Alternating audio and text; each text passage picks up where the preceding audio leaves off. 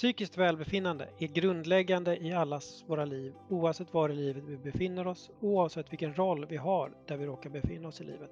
Gemensamt i allas våra liv att det finns ofrånkomliga toppar och dalar. De senaste åren har det satts ett allt starkare ljus på vilken press vi inom veterinärkåren faktiskt befinner oss och hur hög andel av oss som lider av psykisk ohälsa i någon grad.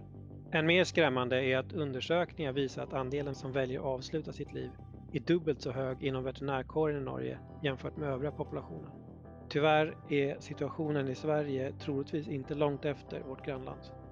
I den här podden vill vi fokusera på de toppar och dalar vi kan stöta på som veterinärer.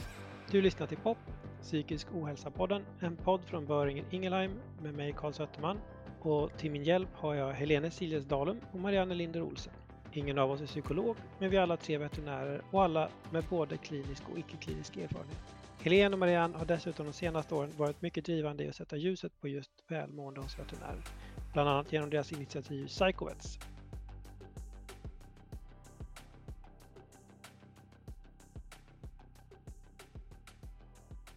Hej igen! Eh, välkomna tillbaks till POPS, veterinär psykisk ohälsa hos podden. I förra avsnittet pratade vi om Is it person, is it job? Då diskuterar vi främst kring personlighetstyper och vilka som kanske blir veterinärer. Idag ska vi fokusera lite mer på de förutsättningar och krav som finns kring själva yrket. Vad tänker ni? Vad är det som gör veterinäryrket så speciellt? Vad, finns det några krav som kanske är, är i högre grad än i andra yrken? En av mine kjepphester er jo det her med akkurat det her med rammebetingelser i veterinæryrket. Eh, jeg tror ikke at det er bare eh, fordi veterinærstudiet selekterer en spesiell type mennesker. Jeg tror også det har mye med den situasjonen man, man faktisk er i eh, i de ulike grenene av veterinæryrket. Og det handler om mange forskjellige ting. Det handler om mye ansvar, det handler om økonomi, det handler om tidspress, økonomisk press, work-life balance, kollegialitet, ledelse osv. Så, videre. så det er vel noen av de tingene vi skal snakke om nå. Jeg kan fortsette på den. Og så er det jo sånn at når man blir ferdig utdanna veterinær, så er jo ikke en veterinær er lik en veterinær er lik en veterinær. Vi har jo, som vi har snakka om i tidligere episoder, et veldig bredt yrke. Og veldig mange grener av veterinæryrket der vi kan jobbe. Sånn at eh, de belastningsfaktorene vi opplever er jo veldig ulike i de ulike grenene av faget vårt.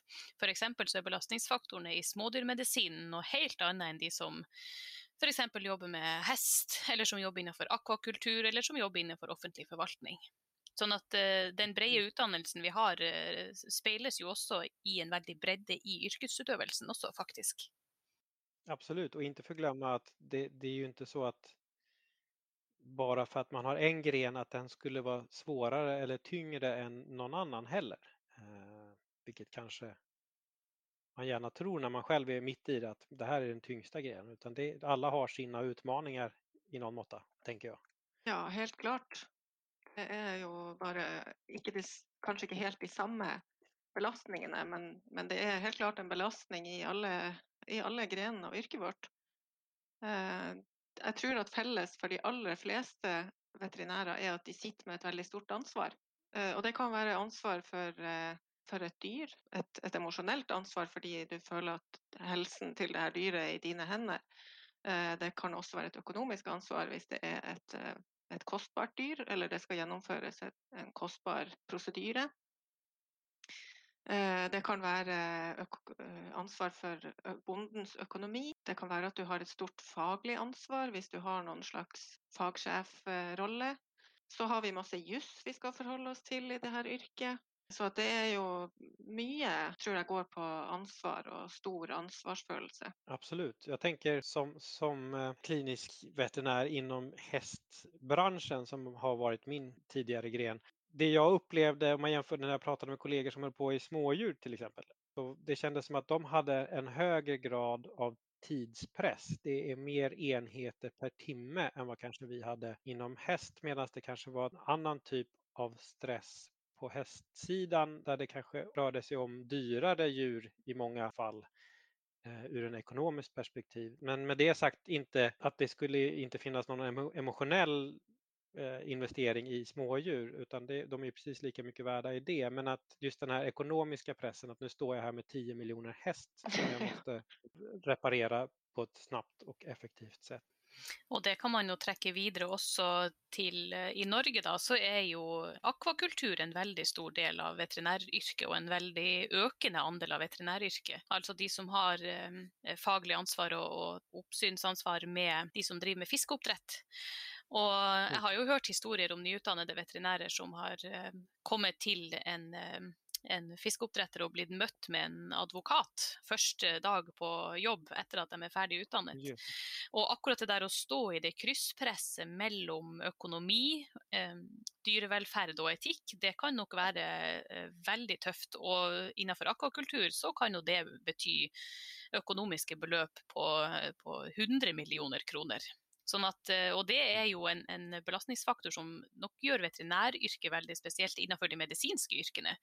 Fordi at det har jo f.eks. ikke legene eh, noen befatning med. ikke sant? De fleste tjenestene i helsevesenet i Skandinavia er jo finansiert over skatteseddelen. Sånn at eh, man må ikke stå som lege og forsvare prisen for det du holder på med, fordi at det er det i stor grad skattebetalerne som gjør. Ja, og det er jo noen ting som ja, som jeg tror både veterinærer sjøl og veterinære kunder på en måte et slags syndrom som man lider litt av. At man er ikke vant til å se de summene. Hva er det det egentlig koster?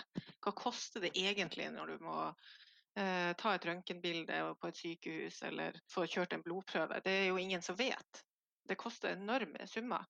Og dette vet jo ikke folk flest, og, og de veterinærene vet jo heller ikke det. Så det å å skulle stå der og, og fakturere seg sjøl og, og, og, sette en pris på sitt eget arbeid. Der trenger vi kanskje òg litt mer opplæring i å vite hva koster det faktisk å f.eks. å putte en uh, pakke med slides inn i din blodanalysemaskin. Det koster noen hundre kroner bare det.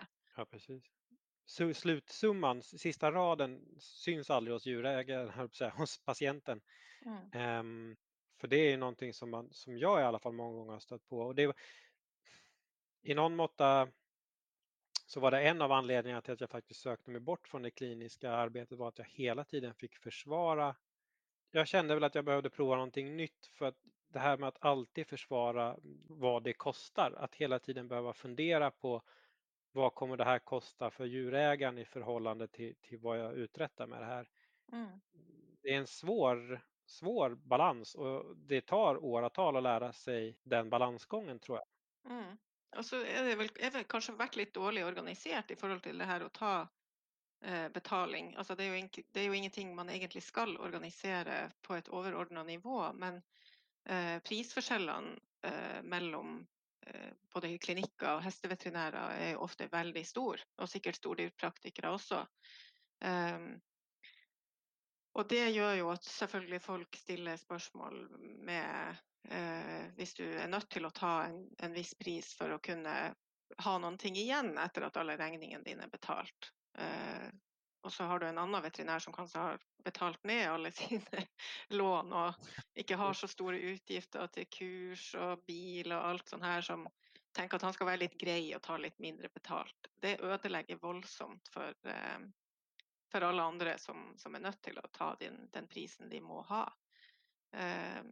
Det här kommer vi också lite in på när det gäller kollegialitet. Ja, precis. Du, du nämnde en studie där kring just eh, lönsamhet och prispress.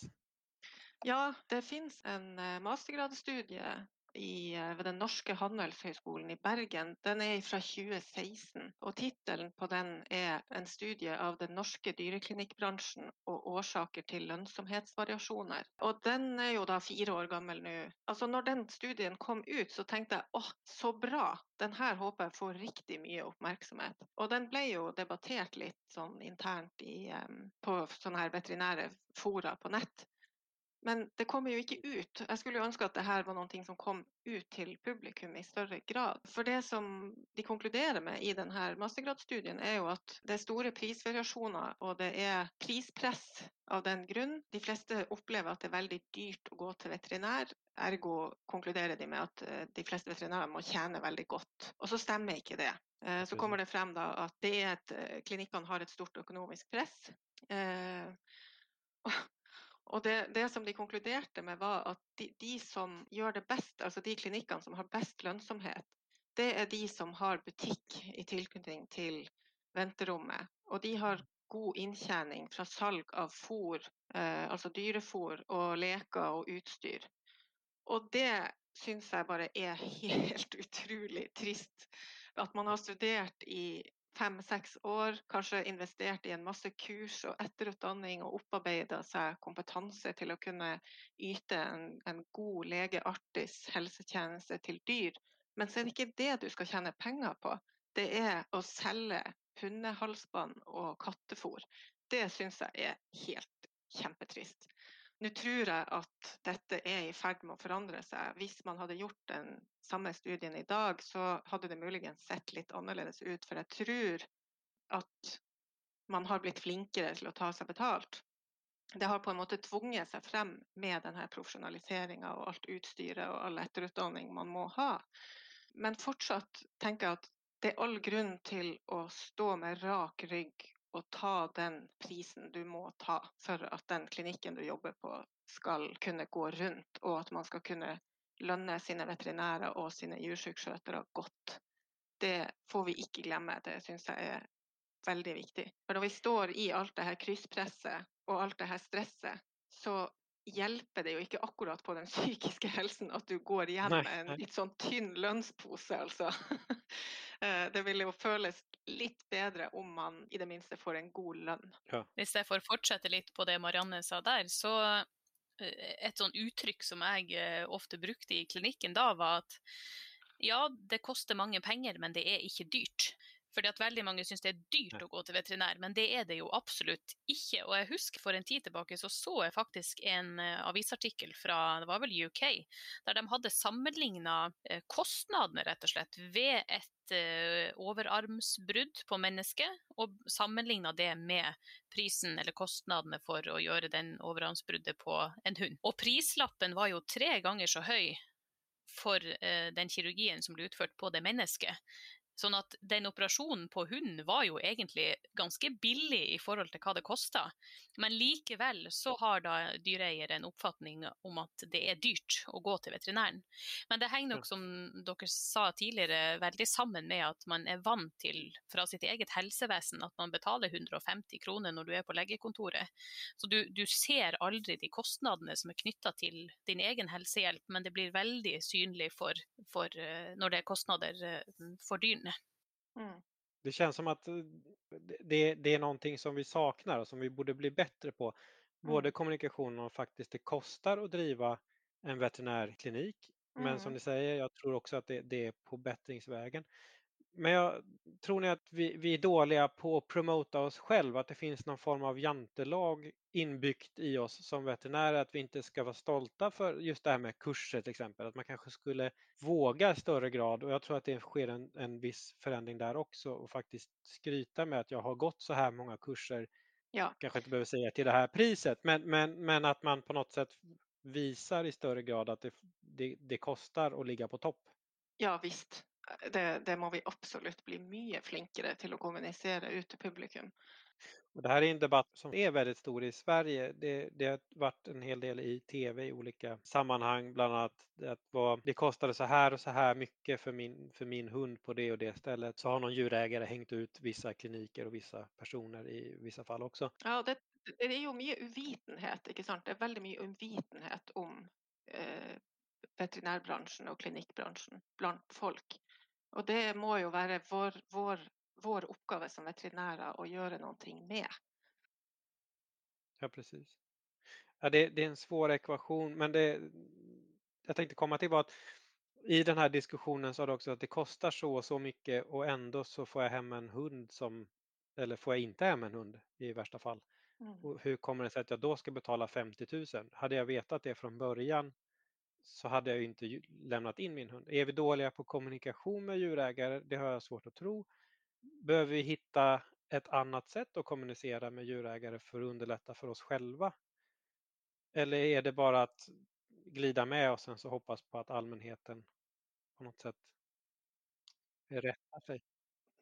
Noen gang, uansett hvor bra man kommuniserer, så vil det noen gang gå skeis. Eh, fordi eh, det er så mye emosjoner og følelser involvert hos dyreeier. Eh, så noen ganger kan man ha gjort alt kommunikasjon helt perfekt, og likevel så får man en shitstorm på Facebook. Mm. Jeg tenker at det, Vi kan jo alltid bli bedre på kommunikasjon, og det med forventningsavklaring er veldig viktig. Eh, at kunden på forhånd blir informert om hvilken risiko som finnes, hvor stor er risikoen. Alt man har sagt på forhånd, opplever jeg er lettere å håndtere i etterkant hvis eieren har blitt forberedt eh, på at ting kan gå galt. Så det, det, er jo litt sånn her disclaimer som man alltid bør ha med seg. Men det er klart, når man står og har gjort et rutineinngrep 100 ganger, og så gjør du det for 101. gang, og så går det gærent, Eh, kanskje du ikke har kommunisert i det hele tatt at det finnes en risk. Så at, eh, ja, det er en kunst. Og så er det jo også Det tar jo tid. Det tar jo masse tid å stå og skal fortelle alt det her til kunden. Ja, precis. Och där, där kommer väl i, återigen någonstans kanske kollegialiteten in. Um, både hur vi pratar om varandra och hur vi pratar med varandra och framförallt att vi pratar med varandra och att de som vi var inne på tidigare avsnitt om eh, mentorskap och så vidare, att det, det är okej okay att ta betalt fast det kanske inte går som det var tänkt för det är utom vår kontroll någonstans. Mm. Nei, jeg tror dere har veldig rett i det. Dette er veldig sammensatt. Eh, og det gjelder for så vidt uansett hvilket område innenfor veterinærmedisin man jobber med, så er ja. kommunikasjon kjempeviktig. Og det her med forventningsavklaring og alltid ha en god dialog med dyreeier um, rundt kostnader, rundt prosedyrer osv. Men så er det jo også sånn at det bildet vi ser av veterinærer i media, det handler jo stort sett om pris. Det, de avisartiklene som, eh, som, kommer, det er eh, kjørt eh, 30 minutter, fikk eh, veterinærbehandling eh, som var 10 000 kroner billigere. Sånn at det som fremstilles også av veterinærer i media, er veldig prisorientert. Så jeg tror også at eh, det er viktig i det her samfunnsopplysningsbiten av det, at vi faktisk begynner å invitere inn media også på de andre sidene av veterinæryrket. Og I så måte så var jo den artikkelen som var i Dagens Næringsliv veldig annerledes. Fordi at den berørte også pris, eh, men i en annen kontekst enn det vi kanskje er vant til å se eh, prisdiskusjoner om i veterinæryrket. For veterinæryrket handler jo om veldig mye mer enn det, men det er veldig lite synlig ut for eh, den generelle befolkningen. da. Og så tror jeg også det er viktig med tanke på det her å øke forståelsen for hva veterinæryrket dreier seg om, det er jo faktisk at vi veterinærer bruker tittelen vår i alle sammenhenger. For vi vet jo veldig ofte at de som jobber innenfor offentlig forvaltning, altså innenfor staten, eh, i Forsvaret eh, osv., de eh, kaller seg ofte for seniorrådgiver eller rådgiver ja. eller forsker. Så det er veldig viktig da hvis du f.eks. er ute i media, og vi har jo veldig mange veterinærer i, i, Norge nå som jobber, eller veldig mange, det er i hvert fall en del veterinærer i Norge som jobber ganske mye med den pågående koronapandemien. Og det er mm. klart at Når man da er ute i media, vi har bl.a. Line Wold her i Norge som er avdelingsleder på Folkehelseinstituttet, som har vært veldig mye i media det siste året.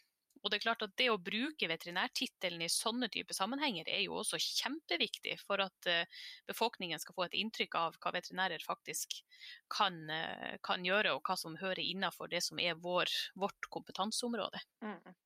Absolut. Vi var inne på det i første avsnitt tror jeg, när vi pratade om at man, man ofte får frågan, jaha, men hva gjør du egentlig da, nu när du har slutat vara veterinär?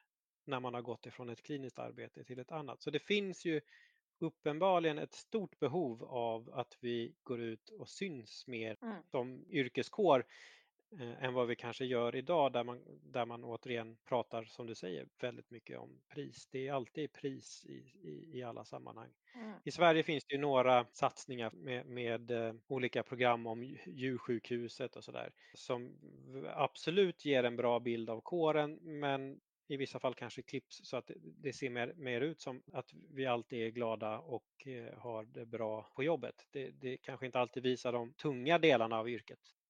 Tankar kring det? Ja, jeg, jeg føler jo at vi trenger en slags opplysningskampanje om veterinæryrket generelt. eh, om alle de forskjellige grenene av veterinæryrket som finnes, og hvor mange ulike stillinger man kan gå inn i. Hva slags eh, kompetanse man har på ikke bare på klinikk og klinisk, eh, klinisk eh, praksis, men også eh, forvaltning, mikrobiologi, One Health, smittevern. Det er jo enormt stort. Så det er viktig at jeg tror at det hadde hatt en positiv innvirkning på veterinærers psykiske helse, siden det er det vi snakker om. At publikum var mer klar over for en bred utdanning og for en bred kompetanse man har som, som veterinær og som nyutdanna veterinær. Og det er jo virkelig det ja. man begynner å jobbe med som bestemmer hva slags kompetanse man har. Vi trenger å få slutt på at folk tror at en veterinær er lik en veterinær er lik en veterinær, og at vi alle kan det samme, for det er jo rett og slett ikke sant. Nei.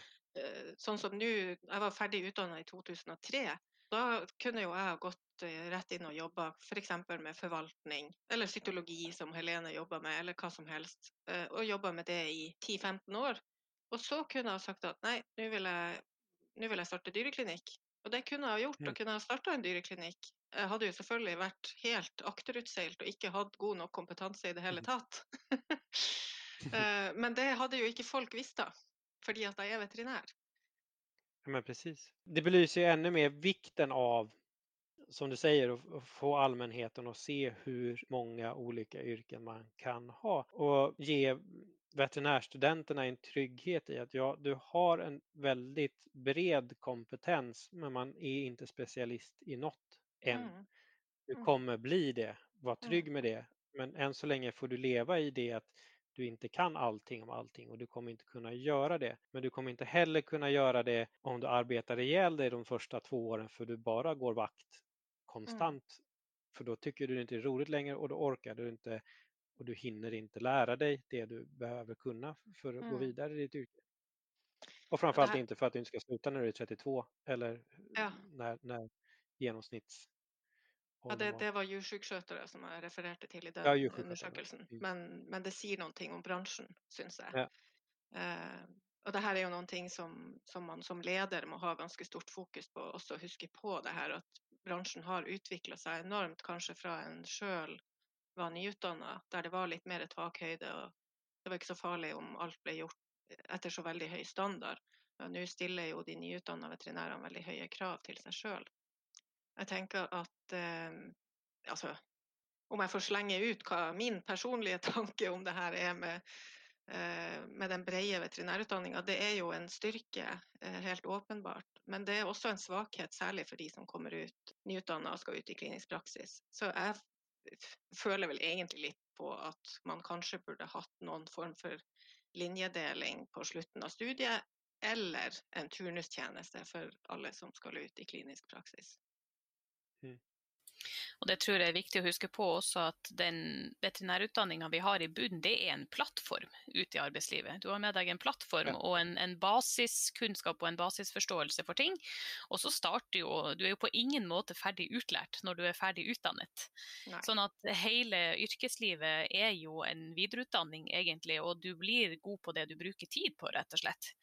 Sånn at det er noe, men det henger jo også, ikke sant, som vi snakka om i forrige episode, at det henger sammen med hvilken persontype du er. Eh, og det er viktig at vi har rom og takhøyde for å snakke om de tingene her. Sånn at vi faktisk er trygge på at vi kan fortsette å lære når vi kommer ut i arbeidslivet. Og Det henger også sammen med ledelse. ikke sant? Og det er Uavhengig om du jobber klinisk praksis eller ikke, så er det kjempeviktig å være et sted der det er god ledelse. Og at det er en leder som både har kunnskap om, men også forståelse for at det å trives på jobb er veldig viktig. Ja. Uh, og det tror jeg faktisk er ganske Det overrasker meg litt av og til, at, og det er ikke bare folk jeg kjenner innenfor veterinæryrket, men, men på uh, arbeidssteder der folk ikke trives på jobb, så er jo det noe som koster veldig mye penger.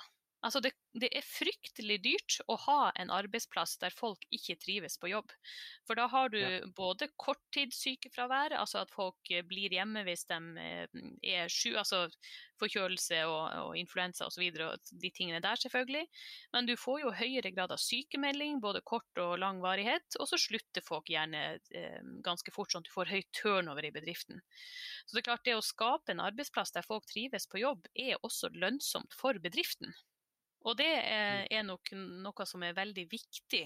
Eh, og når du skal lede da folk som har høy utdannelse og som har stor ansvarsfølelse for jobben sin, så, så, krever det kanskje en annen type ledelse da, enn i yrker der det kun er på en måte linjearbeid, altså sånn typisk eh, industrielle arbeidsplasser, ikke sant? som kanskje er lettere i så måte å, å drifte.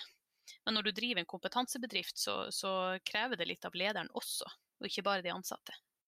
Mm. Og det her med ledelse er jo altså, I mange veterinære bedrifter og og forvaltningen. Og, og, mange steder så jo, ender man jo ofte opp som leder eh, som veterinær. Og det er jo ingenting Vi lærer ikke noe i, om ledelse på studiet. Det er jo et helt eget fag eh, som man går, eh, gjør, kan, man, kan gjøre en egen mastergrad i. Og det er jo ikke sånn at man nødvendigvis er en flink leder bare fordi man er veterinær. Så det tenker jeg også er en sånn rammebetingelse i, i veterinæryrket som, som er verdt å se på. da. Hva slags ledere har vi? Hvor flinke er vi til å lede andre veterinærer og de yrkesgruppene vi har da under oss? Jeg husker på min, en av mine første arbeidsplasser på en, en smådyrklinikk. da, så fikk jeg beskjed om når jeg begynte at her, vi, her, går vi på jobb. Hvis du føler deg litt dårlig og har litt feber, og, og sånn, så tar du en Paracet og så går du på jobb. mm. Og det er jo, eh, det er jo et ikke ubetydelig press å få, få, få på seg, vil jeg si. ja, ja, men det är väl också någonstans i grundtesen om man var veterinär, eller man ska säga den, den, den gamla grundtesen, den vi mm. kanske behöver komma ifrån lite grann, det här att du är i första hand veterinär och du ska göra ditt jobb oavsett. Eh, när du är utdanad och klar veterinär från skolan dag ett, då ska du kunna det du kan. Du ska kunna vara självgående, och du ska kunna eh, du ska ställa upp i alla väder, både som jour på jourer och sätta patienten i främsta rummet hela tiden. Eh, ja. Och det finns väl stor risk att det, det, det tar över. Just den här machokulturen som du nevnte tidligere. Men det her begynner vi faktisk å se eh, i ulike, eller spesielt i en del av veterinæryrket i Norge spesielt, og det er i distrikter eh, der man har kommunal veterinærvakt. Det har vist seg nå over tid å være veldig vanskelig å få tak i veterinærer som ønsker å kjøre vakt. Og det tror jeg nok henger sammen også med at det er litt en ny generasjon som kommer nå, som ikke har tenkt å bruke hele livet sitt på, på, jobben, men som faktisk ønsker å ha et familieliv i tillegg. Og at de eh, ja, vil ha en work-life balance, rett og slett, som er håndterbar eh, og kombinerbar med eh, et liv ved siden av jobb. Og I Norge så er det jo mye distrikt, eh, og det er jo også da en del distrikter da, som sliter med veterinærdekning. Og jeg kjenner kolleger som har hatt vakt alene i ti års tid. ikke sant? Du har vært på vakt da 24 timer i døgnet i ti år. Og det er klart at det sier seg sjøl at da går du glipp av veldig mange. Du går glipp av eh, konserter på skolen for barnet ditt, du går glipp av bursdagsfeiringer, du går glipp av veldig mange andre ting som man faktisk trenger, og som man setter stor pris på. Og, og, det er klart at det at det nå begynner å synes eh, denne vanskeligheten med å få tak i veterinærer, det sier jo også noe om at rammebetingelsene ikke er gode nok. For at det finnes ikke nok penger til å betale veterinærer for kun vaktdelen, men det er heller ikke nok andre arbeidsoppgaver f.eks. i kommunen som veterinæren kan gjøre i tillegg for å fylle en stilling. Så, så her er det mange ting å, å, ta tak i, og vi ser nok et litt sånn skifte nå i profesjonen fra at det var relativt god veterinærdekning i landet til at uh, vi begynner å slite med å få tak i veterinærer rett og slett i enkelte deler av, mm. av, av yrket. Ja, de signalerna har jag nappat upp även i Sverige, att det är svårt att hitta. Ehm, det gäller att inte falla i den gropen och säga att det bara beror på att den, de här eh, millennials, de, de är slöa och orkar inte gå jour, utan jag tror att det kanske snarare är så att det, det börjar komma en sundhet in i det. Men som du säger så, så det kommer ju sätta nya krav på ledning. Man måste, kan inte jobba enligt de gamla eh, ramarna, den gamla rambetingelsen, utan man måste hitta ett nytt sätt. Och, och det är klart, det kommer vara krävande och det kommer vara kostsamt och det kommer vara kostsamt för både djurägare och för eh, eh stat och för arbetsplatser. Men, men, det är också någonting som man måste ta till sig någonstans mm. för att det, det kommer inte fungera i längden med den brist det finns tyvärr på, på veterinærer som er villige å gå jour under de forutsetninger som er i dag? Nei, det skal ikke være sånn at veterinæryrket er et kall. veterinæryrket er en jobb. Du skal ikke være nødt til å gå vakt eh, ti år på rad, og, eller en uke på rad for den del, og samtidig jobbe full tid på dagen. Og det er, det er ikke så rart at, eh, at vi ser et skifte, at eh, folk er ikke lenger villige til å stå i det der og gå glipp av alt det andre i livet, som Helene nevnte. Nei. Og det syns jeg er rett. Absolutt. Det er et roligt jobb. Mm. Det är ett jätteroligt jobb. Men vi måste ta vara på varandra för att kunna orka ha det här roliga jobbet. Vi måste värna om vår egen hälsa för att kunna ha det roligt på jobbet. Det er veldig gøy å være veterinær, og det er kanskje litt der problemet ligger, at man må brenne for noen ting for å bli utbrent. Mm. Og det, og, det, og det tror jeg jo at veldig mange av veterinærene vi liker yrket vårt så godt at det er faktisk litt sånn vanskelig å si nei, og det er vanskelig å, å, å ikke jobbe fordi at vi trives med det vi gjør. Og det er jo egentlig en veldig veldig god egenskap å ha, og jeg er veldig glad for å ha et yrke som engasjerer meg.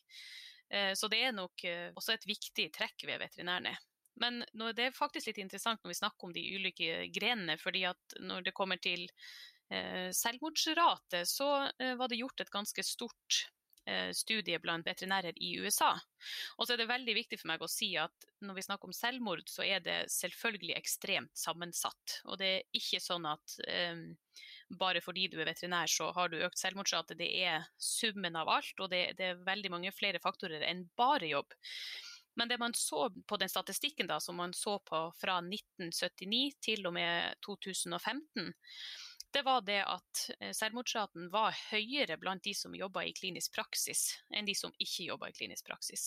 Og når det gjaldt de ulike greinene innenfor klinisk praksis, så eh, skilte smådyrpraksis seg ut. Så, og her var det kun statistikk og sånne registerstudier, så vi vet ingenting om årsakene til eh, de tallene og de forskjellene i tall. Men det er jo unektelig interessant som et diskusjonsgrunnlag, eh, og som også stemmer godt med det vi sa tidligere, at eh, belastningsfaktorene er ulike i de ulike delene av veterinæryrket. Mm. Ja, verkligen.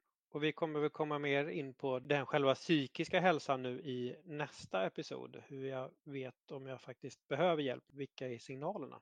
är väl tanken att vi ska prata om. Og det skal vi snakke Så... mye om framover. For det gjorde jo nemlig ikke jeg. Jeg skjønte jo ingenting. Men vad bra. Tack så hemskt mycket för det här avsnittet. Um, och sen så ses vi, eller hörs vi snarare, nästa gång. Det gleder vi oss til å snakke masse om. Ja, det gör vi verkligen. Tack. Takk for i i dag. I Sverige kommer du lättast i kontakt med psykolog, psykiatri eller annan sjukvårdsinrättning via 1177. De slussar dig sedan vidare till rätt instans. Man kan också hitta hjälp via Psykologiguiden, alltså psykologiguiden.se, Riksförbundet för social och mental hälsa, rsmh.se och inte minst via Sveriges veterinärförbunds hemsida där man hittar all information hur man kommer i kontakt med kollegiala nätverket. I Norge tar du lättast kontakt med din fasta läkare eller jourläkare, alltså lägervakt. Öppna hjälplinjen för mental hälsa har telefonnummer 116 123, alltså 116 123. Om du är i självmordstankar eller misstänker någon i din närhet överväger att ta sitt liv eller på annat sätt skada sig själv, kontakta omedelbart larmcentralen på telefonnummer 112 i Sverige och 113 i Norge. Återigen, tusen tack för att du har gett oss din tid att lyssna.